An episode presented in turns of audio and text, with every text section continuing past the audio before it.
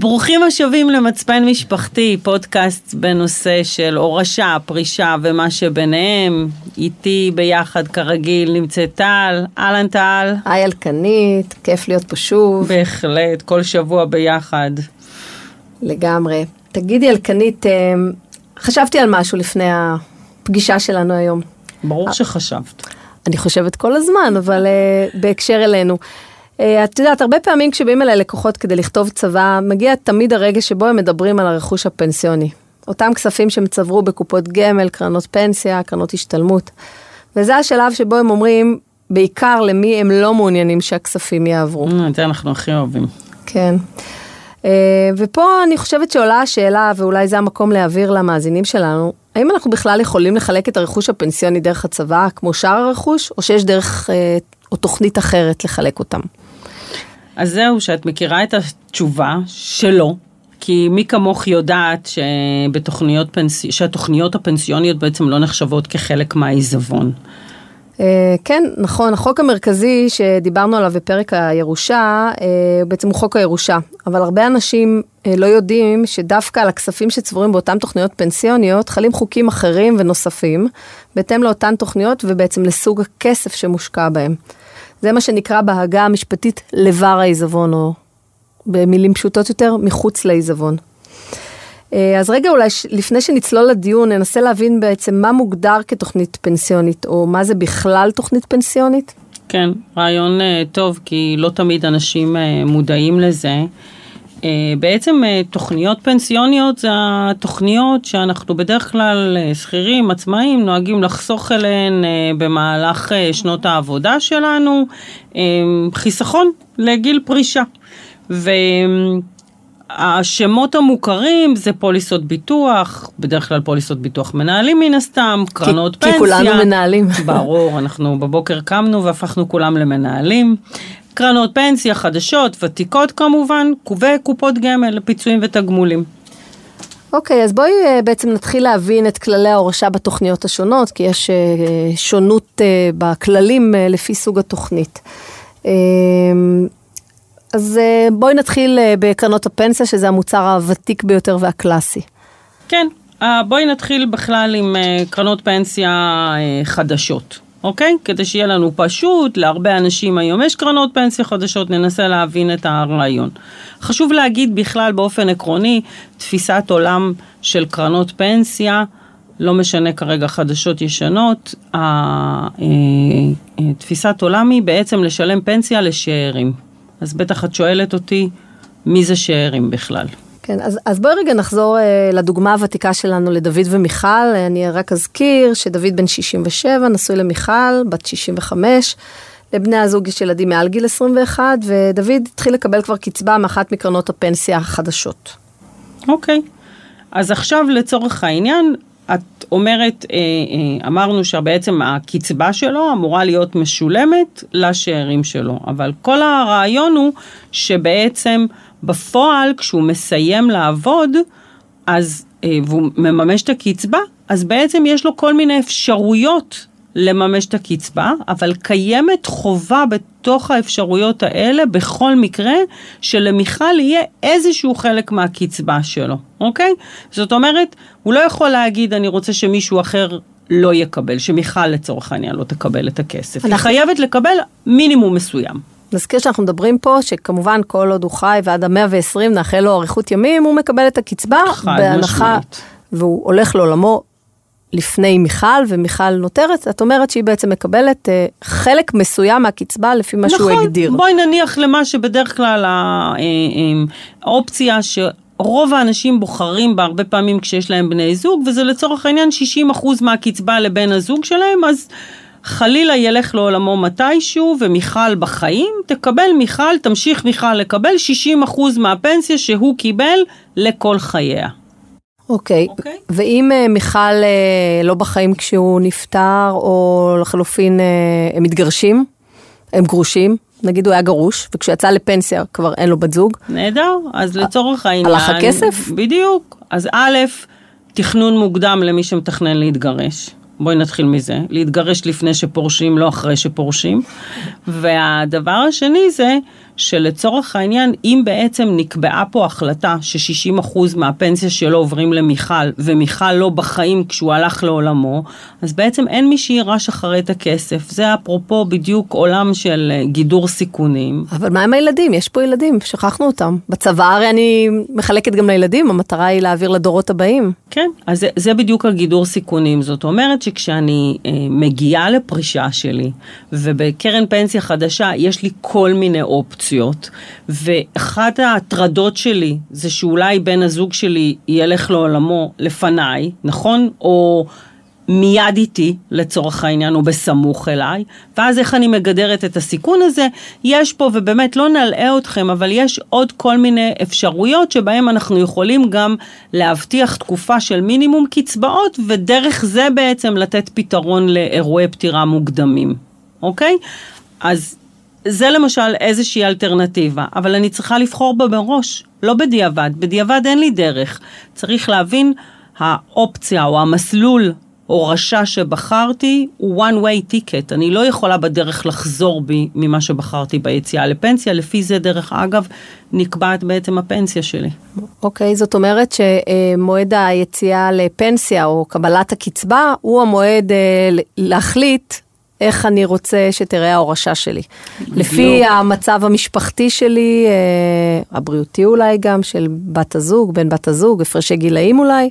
נכון. זה המקום לתכנן ו- ולתת uh, ביטוי. חד uh, משמעית, תחשבי על דוד לדוגמה שהוא היה נניח uh, uh, גרוש, אוקיי? בקרן פנסיה החדשה. אז אם הוא היה גרוש למשל, אז אין לו בת זוג, אבל הוא כן רוצה uh, שיעבור איזשהו כסף לילדים שלו לצורך העניין, הם מעל גיל 21, הוא רוצה שיעבור אליהם כסף. מה עושים אז?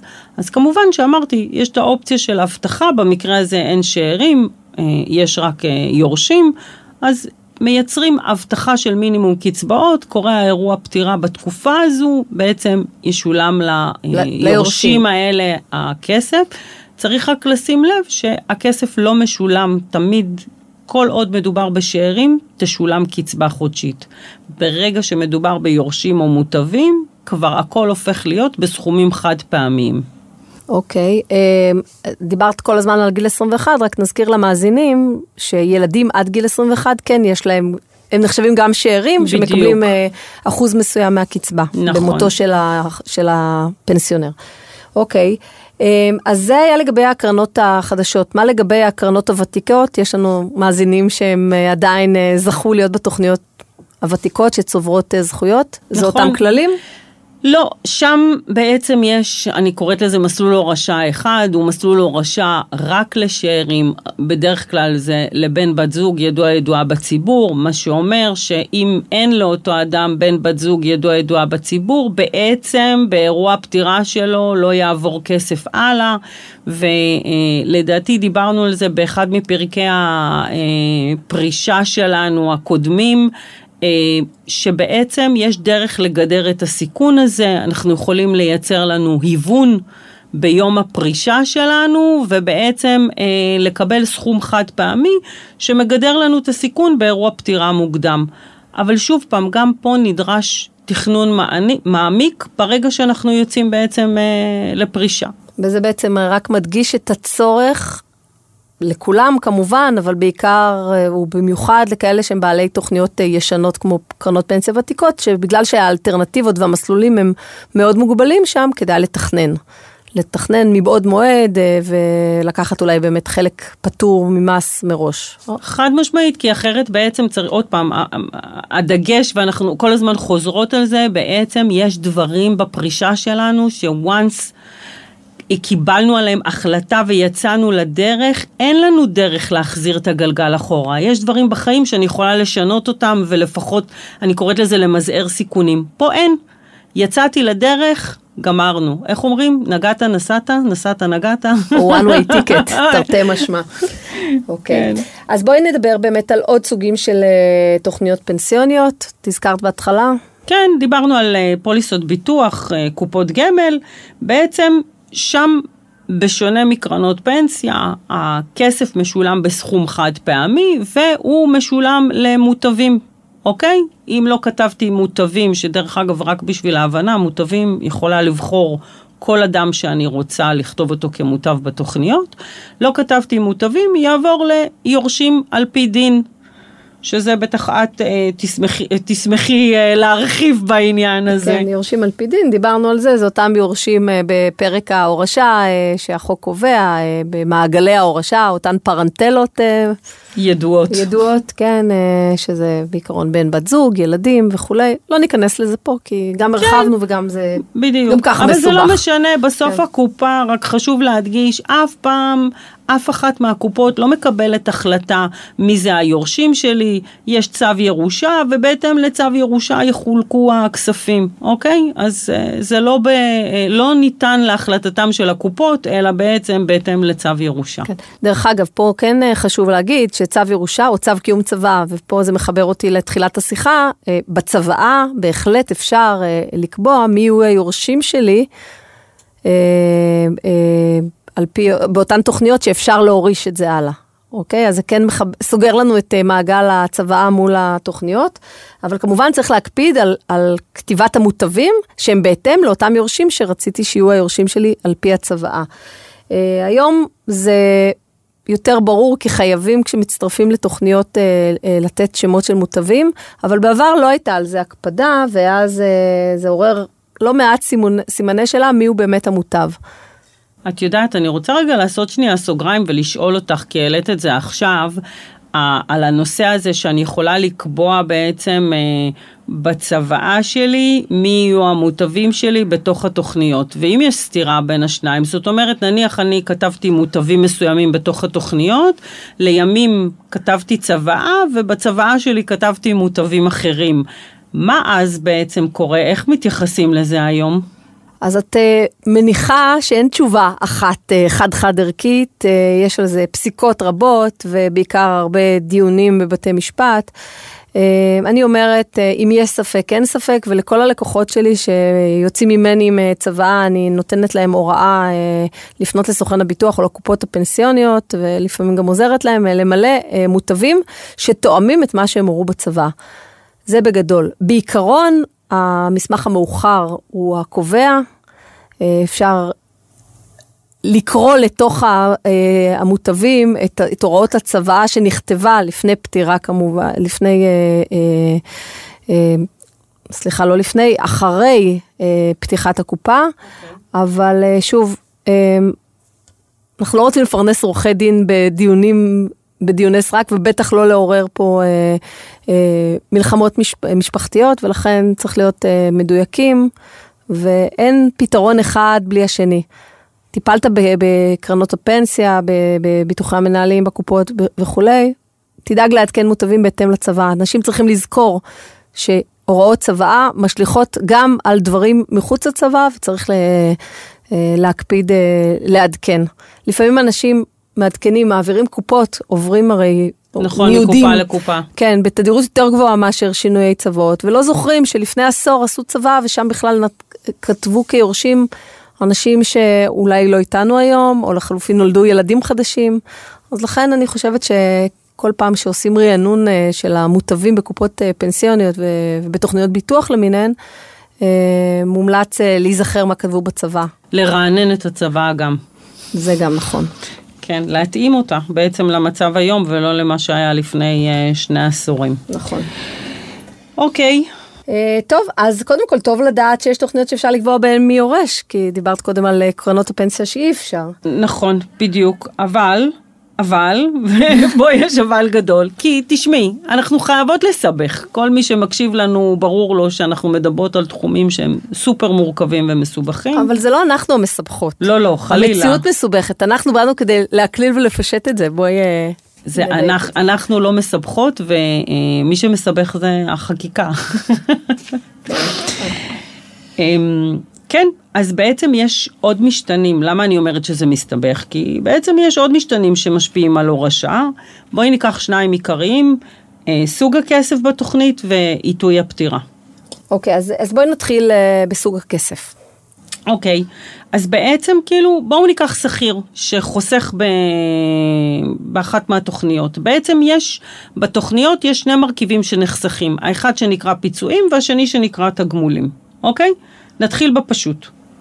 כספי תגמולים משולמים למוטבים. המוטבים שקבעתי בתוך התוכנית הם אלה שאליהם ישולם הכסף, תזכרו, בסכום חד פעמי. אוקיי, ואם אה, לא כתבתי מוטבים? אז אמרנו את זה גם קודם, בעצם יורשים על פי דין, שוב, יקבלו את זה בסכום חד פעמי, בהתאם למה שיביאו את צו, ה, אה, צו ירושה, ובעצם לפיו יחולק הכסף. אז, אז זה היה לגבי תגמולים, ומה נכון. לגבי פיצויים? או, יופי. פיצויים באירוע של פטירה, זה בעצם לפי חוק פיצויי הפיטורים. עוד חוק. ברור, אמרנו שמי מסבך? חקיקה. כן. ואז בעצם מי שיכול לקבל שם זה השאירים בכלל. זאת אומרת שלצורך העניין, יכול להיות שיש לי ילדים מעל, שני ילדים מעל גיל 21, אוקיי? ובן זוג, ונניח שהמוטבים שלי בתוכנית, קבעתי אותם, אני בכוונה, בשביל שזה יהיה לנו נוח לדבר על זה, המוטבים שקבעתי זה שני הילדים שלי, אני רוצה שהם ירשו את מה שיש לי בתוכנית, ואז באירוע של פטירה, בעצם מה שיקרה זה שאת הפיצויים שיש בתוכנית יקבל בן הזוג שלי, כי הוא השאר שלי, והילדים שלי יקבלו, יחלקו בתגמולים. אוקיי, ואם אין לא אישה, ניקח את, שוב את אה, סיפור אה, דוד ומיכל, אם, אה, אם במותו של דוד למיכל, מיכל איננה בין החיים, וגם הילדים מעל גיל 21, אז אין שאירים. נכון, אז יורשים. נכון? כאילו הבאים בתור, אם לא שאירים, אם אין לי שאירים, יורשים. במקרה הזה לצורך העניין, היורשים זה הילדים שלי, אז הם יוכלו לקבל בהחלט את הכל. אלא אם כן כתבתי בצבא משהו אחר. ברור. שוב אנחנו מחברים ככה. את זה לצבא. כל הזמן זה מסתובב מסביב לזה, צריך לזכור את כל המעגל הזה. אבל, אני בכל זאת רוצה לסבך אותך עוד טיפה. לכי על זה. בשביל זה אנחנו פה. כן. גם בפיצויים אנחנו מבחינים בין פיצויים מהמעסיק האחרון שאני עובדת אצלו, או פיצויים ממעסיקים שעבדתי אצלם בעבר, אוקיי? וחשוב לי להדגיש, עבדתי בעבר והתחשבנתי אה, מול מס הכנסה. לעולם של מיסוי ניכנס בהזדמנות אחרת, לא כאן, כי זה באמת קצת מלאה. כן. אז בעצם, אם מדובר במעסיק נוכחי, אז הכס, כספי הפיצויים משולמים לשאירים. אבל אם מדובר בכספים מהעבר שלי, ממעסיקים קודמים שהתחשבנתי, ולצורך העניין אנחנו קוראים לזה הם ברצף קצבה, זאת אומרת יש להם איזשהו ייעוד מבחינתי לקבל אותם בעתיד ככספי קצבה, הם בכלל יעברו למוטבים. כן, קודם כל אוקיי. התחשבנתי, זה אומר עברתי דרך מס הכנסה עם, עם. עם הגדרה לאן, אה, מה, מה אני רוצה שיקרה עם הפיצויים, נכון. בהנחה שלא משכתי אותם החוצה. נכון. עכשיו עוד פעם, זה יותר מורכב מזה, אני באמת מנסה כמה שיותר לפשט, אבל צריך להבין שבעצם יכולה להיות סיטואציה, כמו שאת מבינה, שבאותה תוכנית עצמה יהיה לי שני סוגים של פיצויים, בסדר? עבדתי אצל שני מעסיקים, אז ה- זה שאני עובדת אצלו עכשיו ואצלו קרה אירוע פטירה, בעצם הכסף ממנו ישולם לשאירים, והעבר, מעסיקי העבר שלי, ישולם בעצם, הכספי פיצויים ישולמו למוטבים שלי. הבנתי. אה, וואו, אוקיי, טוב, אה, רק נזכיר שבקרן הפנסיה אין משמעות לסוג הכסף, כי אמרנו שבקרן הפנסיה, גם הפיצויים, מרכיב הפיצויים, אה, הוא הולך לקצבה. נכון, חד משמעית, קרן פנסיה, תזכרו, משלמת בעצם, אם יש שאירים, היא משלמת קצבה, ולכן אין רלוונטיות בכלל למרכיב הזה של פיצויים ותגמולים. מתי זה יהיה רלוונטי? כשאין לי שאירים, אוקיי? כי אז בעצם מושכים את הכסף. כן. מקבלים כסף בסכום חד פעמי. אז רלוונטי. אוקיי, אז בואי נעבור למשתנה השני, אה, שזה עיתוי הפרישה. הפטירה, מילא הפרישה. נכון. אבל הפטירה נראה לי. כן, נכון. פרישה. בואי נקרא לזה פרישה מהחיים. זה סוג של פרישה, אה, נכון? כן, אה, כן, סליחה על הטעות, מעניין. אוקיי, אמרנו טיימינג זה כל דבר בחיים, אז כן, אז בעצם כאן, אה, מהבחינה הזו, זה באמת אה, אה, מה שמעניין אותנו, למה אנחנו אומרים את העיתוי? כי העיתוי זה האם בעצם אותו אדם נפטר לפני שהוא הגיע לגיל הפרישה והתחיל לממש כבר מה שנקרא פנסיה, או שהוא בעצם... אחרי, כן, הוא כבר פנסיונר, אוקיי? עכשיו, דרך אגב, פנסיונר, פנסיונרית, כן, אנחנו מדברות אה, בלשון זכר, כמובן מתכוונות לכולם. בואי נעשה את זה פשוט. אם הוא כבר פרש, כאילו, והתחיל לקבל, התחיל למצות אה, פנסיה, אז בעצם הוא כבר בחר את מסלול ההורשה שלו ביום שבו הוא אה, פרש. זוכרים? דיברנו על זה קודם, הוא בעצם, היו לו אופציות לבחור, תלוי בתוכנית, יש כל מיני מסלולים לכל תוכנית, גם.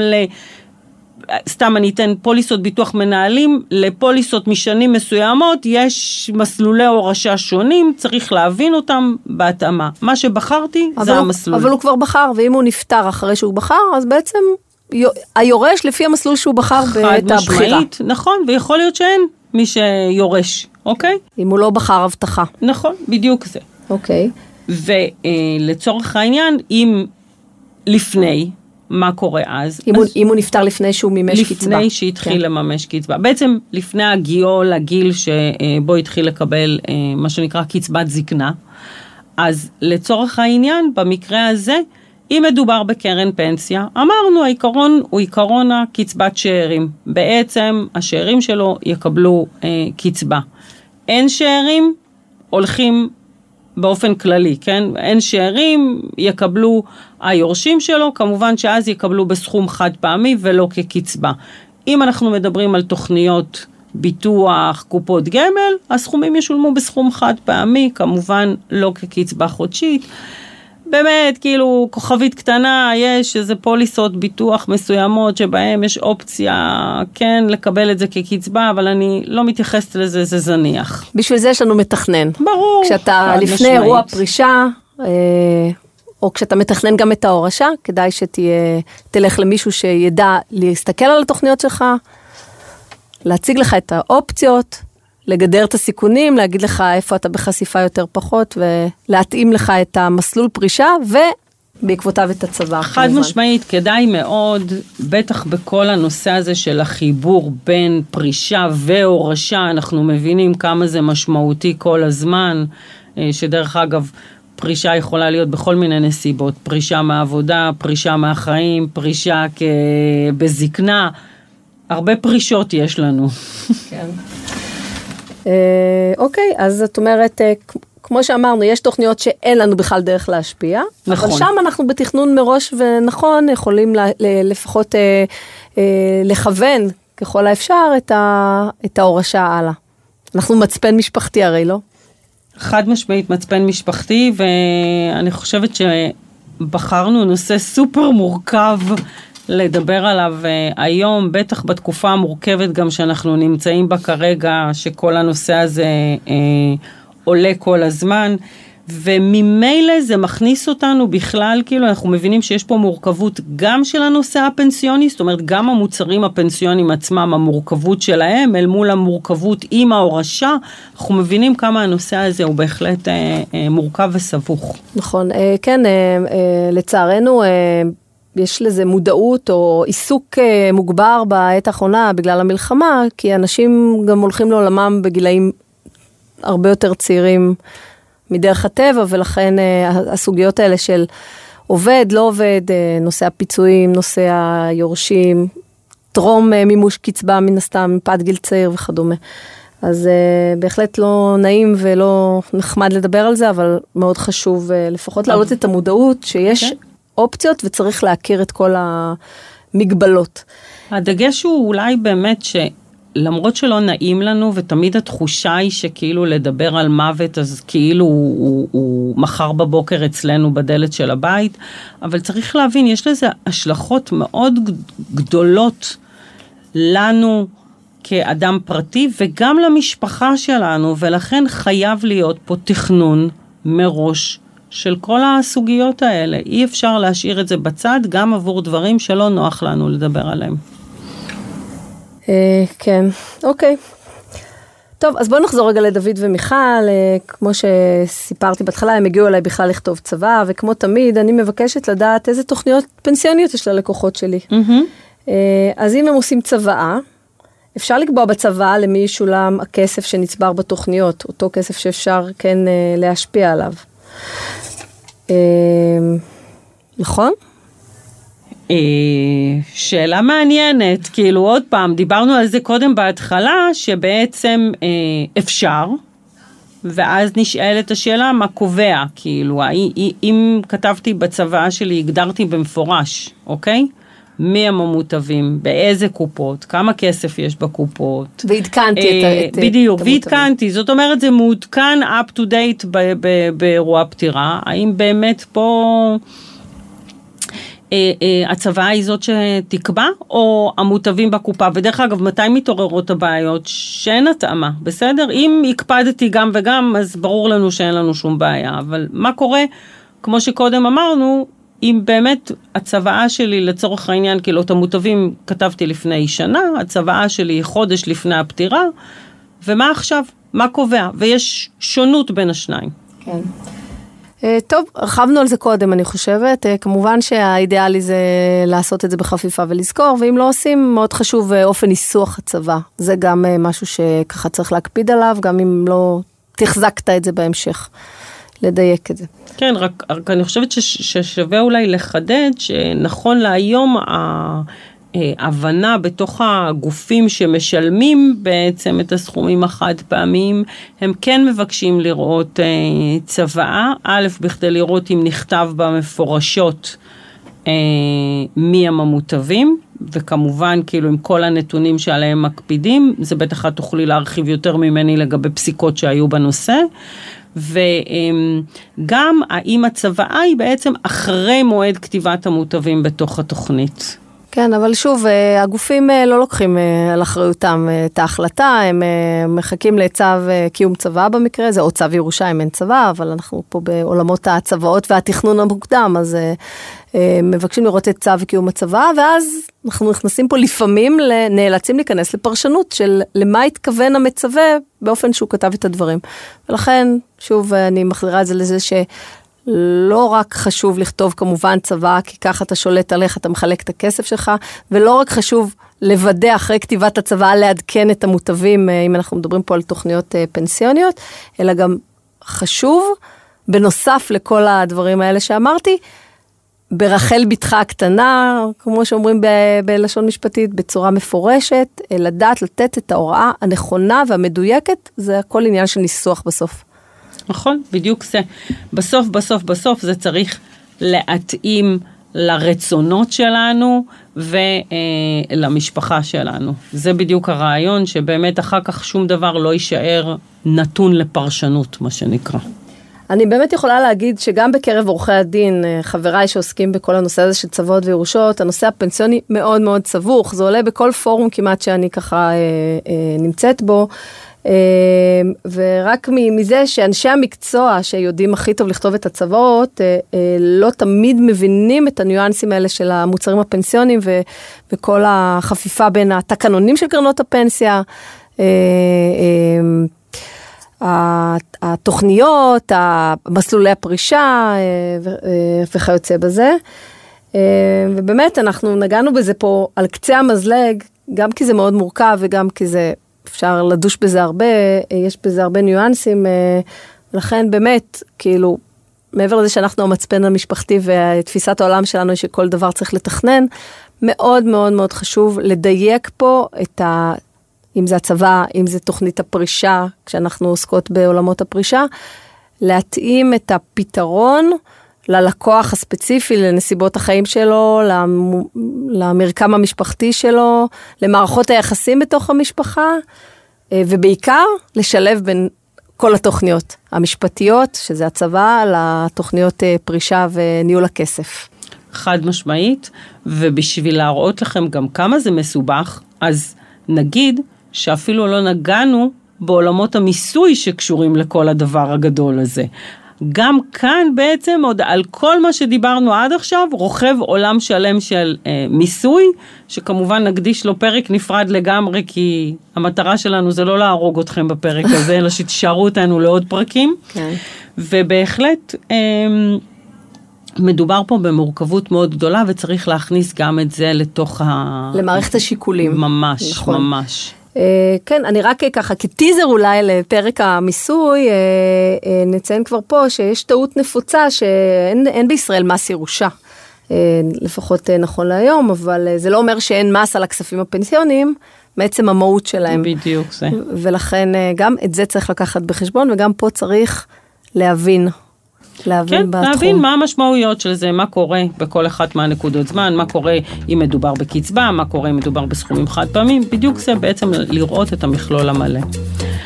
אה, טוב, כרגיל, אה, היה לעונג, היה מורכב. אה, אנחנו מאוד מקוות שהצלחנו לפשט ולהקליל קצת את הנושא מורכב אה, ולא פשוט הזה.